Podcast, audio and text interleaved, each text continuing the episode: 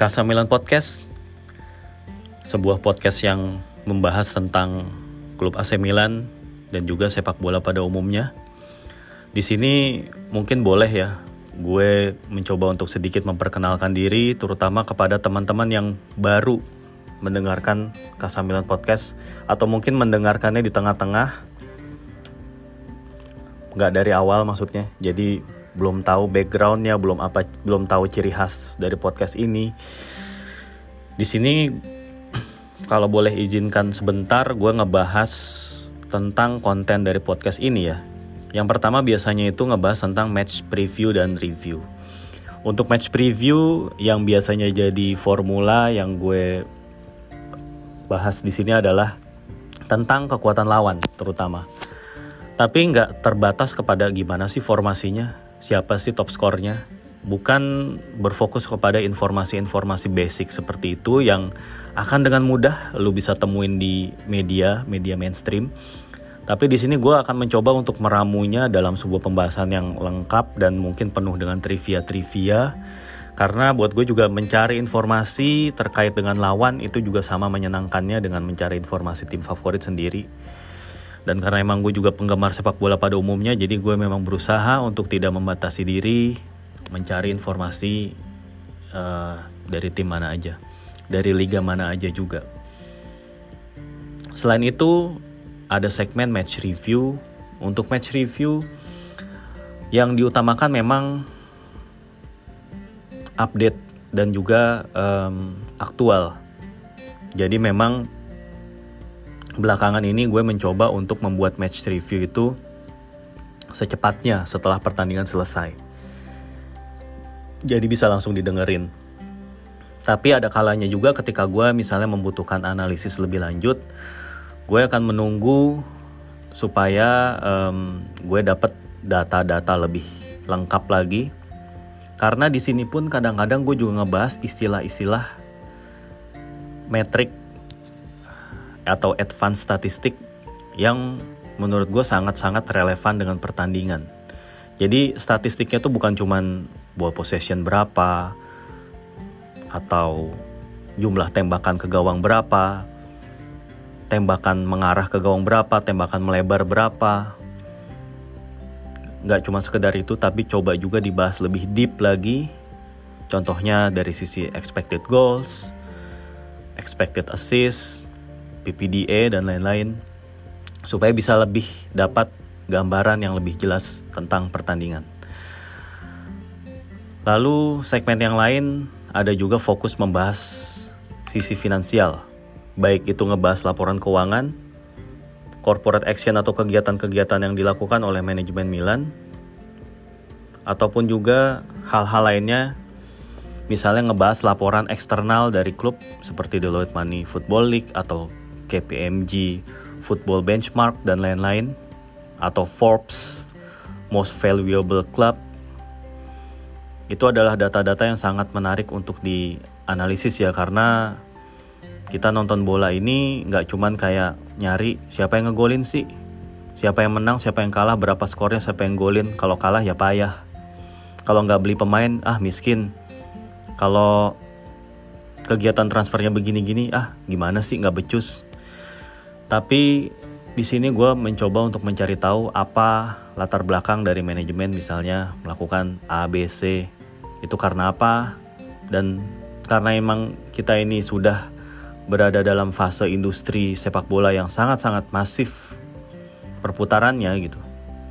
Jadi memang memahami angka-angka di laporan keuangan itu menurut gue juga penting. Kalau buat gue pribadi, tapi kalau memang dari teman-teman tidak ingin mau tidak mau tahu tentang laporan keuangan ya pokoknya taunya nonton bola aja. Itu juga nggak apa-apa. Semua orang punya fokusnya masing-masing dan punya preferensi masing-masing. Lalu kemudian juga ada bahas tentang sejarah juga. Kadang-kadang ketika ada momen yang mengingatkan kepada eh, sesuatu ya itu juga bisa dibahas. Begitu juga nostalgia karena gue juga pengen berbagi pengalaman kepada teman-teman terkait tentang misalnya gimana sih uh, sepak bola pada tahun 2000-an, 90-an. karena memang kebetulan aja gue lumayan mengalami masa-masa itu gitu. Jadi ya ini cuman sekedar sharing aja bukan kayak maksudnya oh gue nonton bola lebih dulu nih gue gue gue ngedukung lebih lama. Nggak nggak gitu juga maksudnya ini cuman sharing aja karena nonton nonton lebih lama pun nggak selalu bikin orang itu lebih paham atau lebih tahu. Itu kan ya? Lalu kemudian ngebahas juga tentang taktik. Seperti apa tim itu bermain. Juga menghubungkan data-data statistik dan mengkonekkan data-data tersebut. Karena kalau data statistik itu cuma berdiri sendiri itu akan kehilangan konteksnya gitu. Jadi memang uh, di sini gue mencoba membahas selengkap mungkin. Tapi gue juga harus mengakui bahwa ya ini podcast masih banyak kekurangan. Ya mungkin tidak sesuai ekspektasi atau apa pun gitu. Dan gue juga mau bilang sih ini emang podcast yang cuma dibuat untuk kepentingan sendiri dan oleh gue sendiri dan gak terafiliasi sama pihak mana pun dan bukan untuk tujuan komersial. Jadi ya gue pun di sini juga bikin ya antara buat seneng-seneng dan juga sambil belajar. Itu aja. Kalau dua aspek itu masih gue temui dan juga masih ada waktu untuk bikin ya gue masih akan bikin. Seperti itulah kurang lebih ya. Jadi sekali lagi makasih kepada teman-teman yang udah dengerin Kesambilan Podcast yang setia ngedengerin, nungguin, kadang-kadang nanyain atau berdiskusi atau nge-DM dan sorry gue juga bukan tipikal admin admin yang mungkin rajin ngebalas ngebalas balesin mention atau DM karena yaitu gak semuanya bisa gue bales satu-satu. Karena memang ada pekerjaan lain gitu. Dan gue juga emang emang harus akui gue harus akui bukan tipikal admin yang cukup interaktif gitu ya. Jadi kalau memang ada pertanyaan-pertanyaan yang emang perlu ditanya lebih lanjut ya mungkin bisa kirim email bisa kirim DM mungkin. Itu mungkin bisa lebih gue bacain.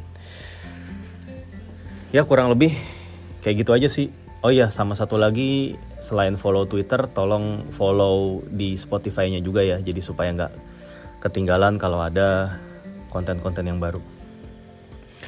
Nah sekarang di sini gue pengen ngebahas tentang salah satu, eh bukan salah satu sih, dua sih, dua matrix ataupun dua advance statistic tool ya dalam sebuah pertandingan yang udah cukup jamak digunakan dalam menganalisis pertandingan sepak bola kira-kira dari tahun-tahun 2014-2015an lah gitu. atau mungkin guanya yang gak update mungkin dari tahun 2010-an kali ya tapi seingat gue 2010-12 tuh belum ada ya, yaitu tentang expected goals dan PPDA ini akan dibahas satu-satu expected goals itu sederhananya itu adalah bagaimana kita itu menghitung efektivitas pemanfaatan eh bukan efektivitas pemanfaatan ya. Jadi untuk mengukur seberapa sebuah peluang itu um, sebuah peluang, sebuah attempt maksud gue bukan sebuah bukan sebuah peluang ya. Seberapa besar sebuah attempt atau upaya tersebut uh, berpeluang untuk menjadi gol gitu. Jadi emang dihitung secara kuantitatif nih. Misalnya sebuah tendangan gitu ya. Ini kalau gue gambarkan dengan simpel aja, sebuah tendangan yang pelan dan posisinya itu mengarah ke kiper. Itu kan dihitungnya sebagai shot on target. Tapi sebuah tendangan yang arahnya melenceng sedikit. Sedikit aja, tendangannya keras gitu ya. Kiper udah nggak bisa nangkap tapi arahnya tipis saja ke samping gawang. Itu expected goalsnya lebih tinggi tendangan yang melenceng.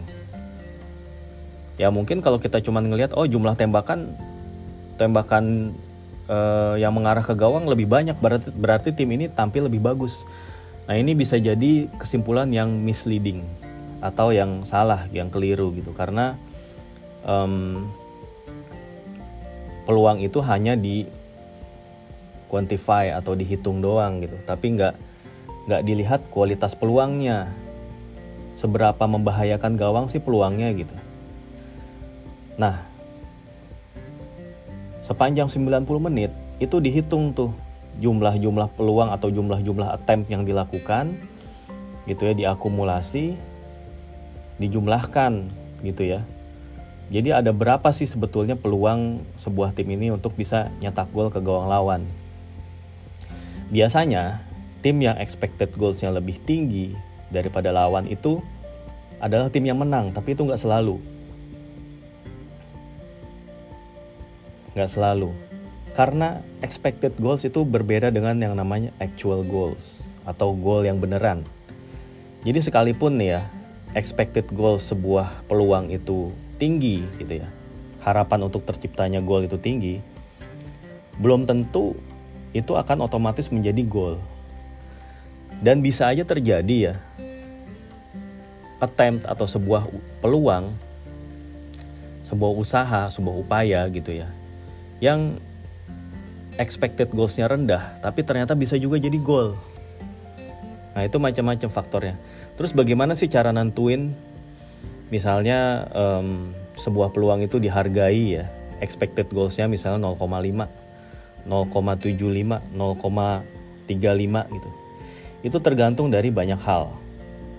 Tergantung juga apakah itu menggunakan kaki, menggunakan kepala, itu beda Apakah dari situasi set piece atau bukan set piece atau open play itu beda.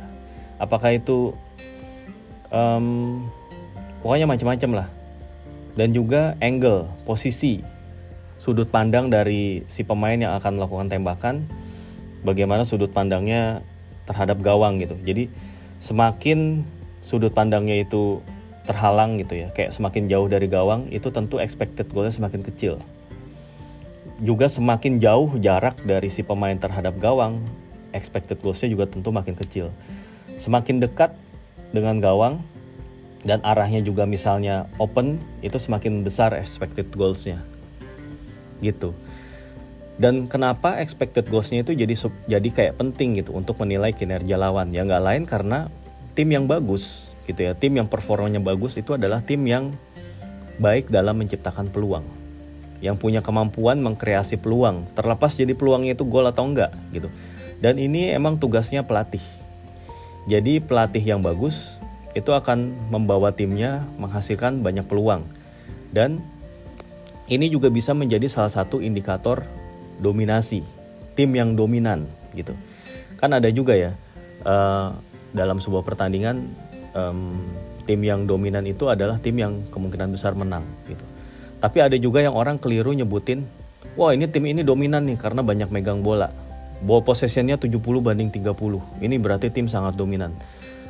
Itu adalah sebuah pemahaman yang rada keliru menurut gue karena dominasi sebuah tim itu nggak ditentuin oleh um, berapa banyak mereka itu megang bola, megang ball, ball possession. Tapi ya itu kalau ball possessionnya cuma main di tengah, di belakang, apalagi cuma di belakang di daerah sendiri gitu, itu nggak ada artinya nggak sama sekali nggak membahayakan gawang lawan. Percuma mainin bola banyak-banyak gitu ya. Tapi tujuan akhir dari tim lo bermain yaitu mencetak gol dan juga memenangkan pertandingan itu nggak tercapai. Gitu. Sebuah tim bisa aja memiliki ball possession yang tinggi tapi tetap bisa memenangkan pertandingan. Eh sorry sorry. Maksudnya ball possession tinggi tapi tetap aja kalah dalam pertandingan karena mereka nggak efektif. Ya. Atau bisa jadi mereka bukan yang nggak efektif malah mereka nggak bisa create peluang. Jadi bola tuh cuma muter muter muter aja. Tapi begitu sampai di final third bingung. Gitu. Dan itulah mengapa uh, expected goals itu jadi penting untuk mengukur seberapa bagus sih tim ini mengkreasi peluang.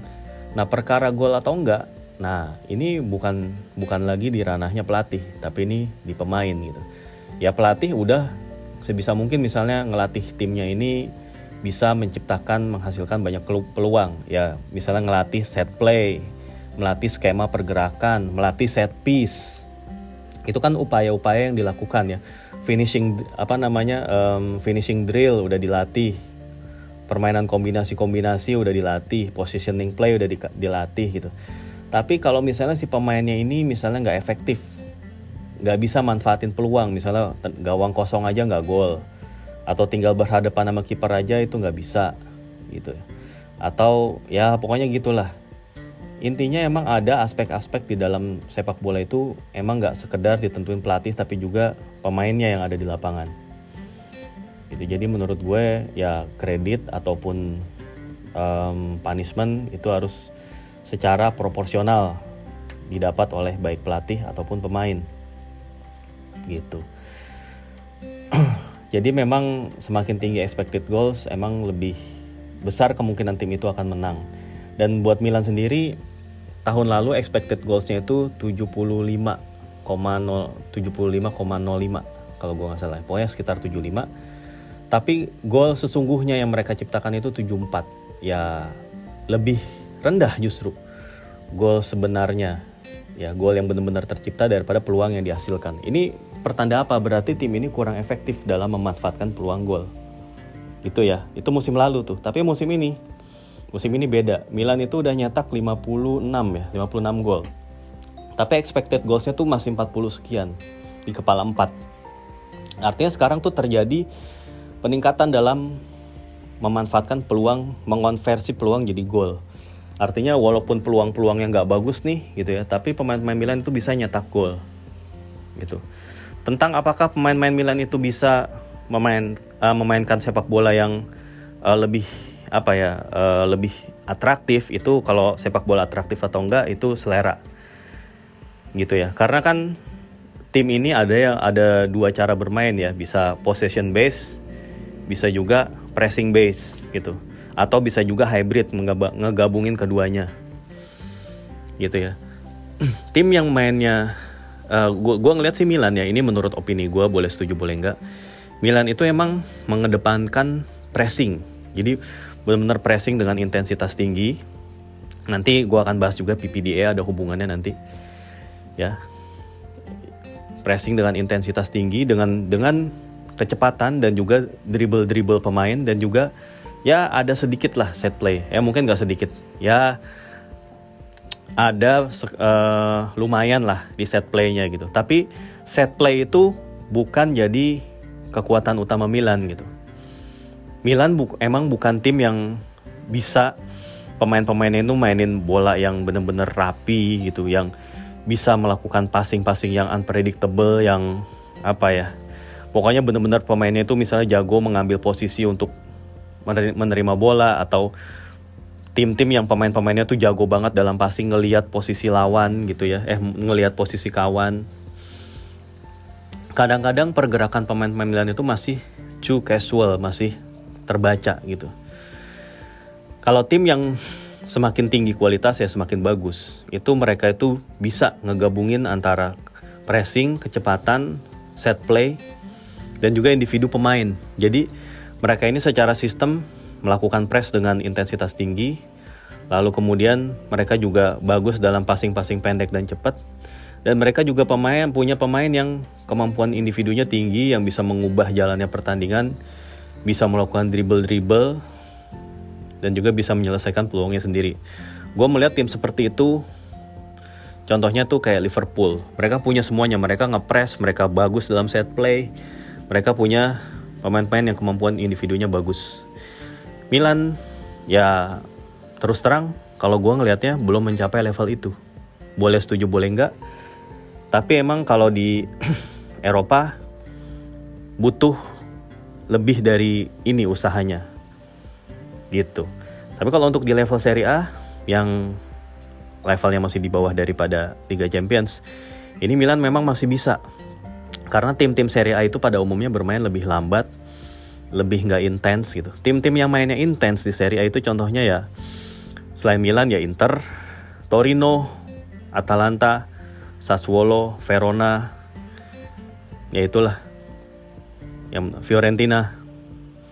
Juventus juga kadang-kadang sih tapi nggak gitu tinggi intensitasnya. Ya jadi begitulah tentang expected goals lalu selanjutnya lanjut ke PPDA ya nah PPDA ini adalah pass passing per defensive action dari namanya aja passing per defensive jadi jumlah passing dibagi jumlah defensive action. Jumlah passing apa? Yaitu di sini jumlah passing yang dilakukan oleh lawan yang menguasai bola dibandingin sama jumlah defensive action yang berhasil dilakukan oleh tim yang nggak pegang bola. Jadi semakin kecil jumlah PPDA, berarti tim ini melakukan pressing dengan intensitas yang tinggi. Gue pernah baca waktu itu, tapi gue cuma baca sekilas di Twitter ya, ada orang yang ngepost itu. Tapi gue nggak punya source datanya yang menampilkan angka PPDA yang pasti berapa gitu. Tapi yang jelas Milan itu nomor satu di soal PPDA. Artinya gini, passing yang dilakukan oleh tim yang sedang bawa bola. Jadi misalnya Milan nih lagi dalam kondisi nggak pegang bola, lawan lagi pegang bola. Jadi passing lawan itu ada berapa tuh? Berapa kali lawan melakukan passing?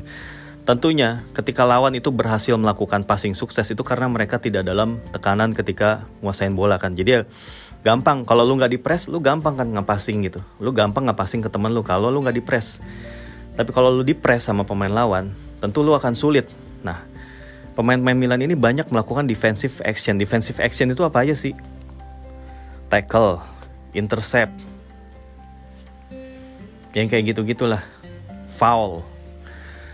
Pokoknya upaya-upaya untuk menghentikan atau menghalangi alur bola dari lawan jadi lawan itu nggak dikasih kesempatan nih untuk build up. Pokoknya bola coba direbut terus. Gitu. Nah, di sini Milan emang cukup PPDA-nya rendah. Artinya kalau PPDA makin rendah PPDA, makin tinggi intensitas pressing. Gitu. Kalau di sini memang di Serie A, tim-tim yang PPDA-nya termasuk rendah yang tadi gue bilang, Atalanta, Torino, Inter, Milan, ya Milan masih di atasnya Inter kalau dalam PPDA tau gue. Terus Sassuolo. Nah jumlah pressing juga apa ya jumlah PPDA ini juga bisa dibagi sih. Dibagi menjadi tiga zona. Zona pertama zona defensive thirdnya lawan. Kedua zona midfield. Ketiga zona attacking, attacking third. Karena bisa aja tim itu emang punya kecenderungan untuk ngepres pas lawan baru. Misalnya nih pas lawan itu udah ngelewatin garis tengah baru dia ngepres Nah kalau Milan ini termasuk tim yang walaupun lawan itu belum melalui belum melewati daerahnya dia, tetap tim itu Milan itu ngepres gitu. Jadi bisa ngerebut bola, prinsipnya kan atau tujuan yang ngepres dari mulai dari defensive area mereka itu kan bisa merebut bola dengan cepat dan pada saat bola kerebut, nah posisi pemain itu udah dekat dengan gawang dan yang disebut atau dinamakan gegen pressing itu kan ini nih menggunakan pemain sebanyak mungkin untuk ngepres. Jadi supaya kemungkinan bola itu kerebut makin gede dan pada saat bola itu kerebut udah ada banyak pemain rekan nih, udah banyak pemain dari tim kita sendiri yang ada di wilayah lawan gitu. Jadi permainan pressing itu kayak sebetulnya ngebypass ngebypass eh, proses build up yang biasanya memakan waktu lebih lama. Jadi udah press aja rebut rebut aja bola selagi di daerah lawan gitu. Kalau sepak bola yang sebelum modern itu kan gimana nih supaya bola pokoknya nyampe di daerah lawan ya, simply aja tendang dari belakang ke depan. Jadi lini tengahnya di bypass. Jadi uh, mereka itu lebih fokus pada saat kita pegang bola. Nah, di sepak bola yang lebih modern lagi itu lebih berfokus kepada positioning, kepada uh, bagaimana attitude pemain-pemain itu pada saat lagi nggak pegang bola gitu. Gue kurang lebih sih gitu ya kalau pas per uh, defensive action yang bisa dijelasin dan kemarin ada sebuah uh, diskusi yang menarik di Twitter yang ngebahas kurang lebih gini. Jadi um, kalau tim yang bermain dengan high intensity itu biasanya cuman 3 atau 4 tahun berada di puncak permainan kayak misalnya ya puncak permainan itu macam-macam beda-beda sebuah tim gitu ya. Misalnya puncak dari sebuah tim ini memenangkan gelar gitu ya memenangkan trofi ya. Pokoknya berjaya lah tim ini gitu. Biasanya itu cuman 3 atau 4 tahun karena lelah pemain itu melakukan press itu. Per, uh, kalau tim itu melakukan press itu ya melelahkan juga bukan cuma melelahkan secara fisik. Ya tapi secara mental juga pasti mereka lelah gitu karena intensitasnya tinggi banget. Inilah emang pernah terjadi ya yang dialami oleh Milannya Arrigo Sacchi. Jadi uh, sebelum Saki itu akhirnya resign dari Milan, ya dia juga udah ngerasa capek karena buat Saki menerapkan taktik yang seperti itu, zone press, gitu ya, itu juga melelahkan. Karena Saki itu awalnya mengubah mindset, lalu kemudian membuat timnya itu bermain dengan intensitas yang tinggi gitu ya, dengan positioning yang benar-benar uh, sangat-sangat bagus gitu ya, attacking minded itu jadi emang pada akhirnya capek dan maka dari itulah Fabio Capello ketika mereka atau sorry ketika dia menjadi suksesornya Saki, dia nggak men, mengikuti cara bermainnya Arrigo Saki. Kalau prinsip mainnya Fabio Capello, pokoknya empat pemain belakang ya udah, lu lebih di uh, tanggung jawabnya bertahan. Terus dua gelandang bertahan itu melindungi lini belakang. Lalu empat pemain sisanya itu tugasnya nyerang gitu. Jadi kayak dibagi menjadi beberapa grup gitu. Satu tim itu beberapa grup dan penyerang seperti Marco van Basten ternyata memang lebih bersinar pas ditanganin Capello. Kenapa? Karena Van Basten pas di zamannya Capello tugasnya cuma ngegolin. Jadi Van Basten itu lebih banyak berada di area lawan. Lain halnya ketika masih under Saki, Van Basten itu harus mengikuti pergerakan tim. Jadi timnya turun dia ikut turun, timnya naik dia ikut naik. Dia ada defensive duty-nya juga. Kalau di Saki eh di Capello defensive duty dari si Van Basten itu lebih lebih dikurangin gitu. Ya ini emang diskusi yang cukup menarik juga. Nah, bagaimana dengan Stefano Pioli? Menurut gue, ya Stefano Pioli dari awal megang Milan emang udah memainkan sepak bola yang high intensity gitu. Terus uh, terutama di ini ya nggak usah ngitung musim pada saat dia transisi ngegantiin Jampolo ini kita dari musim yang musim kemarin 2020-21 dia udah mainin sepak bola dengan high intensity, high press gitu ya, dengan hasil peringkat 2. Sekarang dengan skuad yang ditambah gitu ya, yang diperbaiki kualitasnya, Milan masih mencoba untuk terus di papan atas. Tapi menurut gue, Stefano Pioli juga belum mencapai peak. Belum mencapai peak. Kenapa? Karena dia itu masih sering diganggu masalah cedera pemain. Jadi dia tuh jarang banget ya kayaknya hampir nggak pernah deh lu perhatiin pernah nggak Pioli itu dia make tim yang sama dalam lima pertandingan beruntun aja dia make tim yang sama terus nih nggak ada yang cedera nggak ada nggak berubah susunan pemainnya pernah nggak saya ingat gue belum pernah gitu. atau jangan lima pertandingan deh. Uh, empat pertandingan aja. Pernah nggak kayak gitu? Susunan pemain Milan itu sama. Pasti ada aja kan satu cedera dua cedera. Malah waktu Januari kemarin ya bisa apa dari mulai Desember Desember Januari atau dari November malah ya. Itu setiap bermain tiga empat pemain cedera. Pernah lima. Akhirnya dia jadi pakai pemain yang sebelumnya itu jadi cadangan ini bisa mengubah style. Dan Milan Stefano Pioli juga belum jadi tim yang komplit. Meskipun kedalaman skuadnya lebih baik tapi uh, eh, gue ngerasa Pioli itu belum sepenuhnya dapetin keinginannya. Posisi nomor 10 nggak bisa cuma ngandelin Brahim doang semusim. Ketika Brahim cedera atau Brahim main gak bagus permainan juga menurun sayap kanan ya sekarang masih mending Junior Mesias Junior Mesias ya lebih bagus daripada Samu Castillejo. Jadi Mesias dan Selemakers itu bergantian. Tapi ya untuk go to the next level, Pioli butuh pemain yang lebih menentukan di sayap. Dan juga di sektor penyerang ya Ibra penyerang bagus, tapi usia nggak bisa dibohongi. Olivier Giroud juga, tapi nggak bisa terus-terusan diandelin karena lama-lama kalau Giroud diturunin terus kebaca Marco Lazetic masih muda dan dia juga masih personalized training. Ante Rebic kurang konsisten dan sangat rentan cedera. Gitu. Jadi musim depan mungkin ya diharapin ya kelemahan-kelemahan itu di sektor-sektor tersebut semoga udah semakin terus dibenahi gitu. Jadi gue pengen lihat sih, gue penasaran untuk ngeliat bagaimana kalau Pioli ini dikasih squad yang lebih komplit dan lebih bugar secara fisik jarang cedera pemain-pemainnya. Gue pengen tahu aja. Bukan masalah pengen tahu bagaimana hasilnya bukan resultnya yang gue pengen tahu. Bagaimana permainannya gitu. Gue bukan yang mendewakan hasil banget gitu. Tapi gue lebih ngeliat progresnya lebih ngeliat permainannya sih itu kalau gue sih ya Yaudah deh, gue rasa ini dulu yang mau gue sampein. Semoga ada manfaatnya dan terima kasih uh, kepada teman-teman yang udah dengerin Kasamilan Podcast. Sekali lagi follow di Twitter dan di Spotify ya. Sampai jumpa lagi, ciao.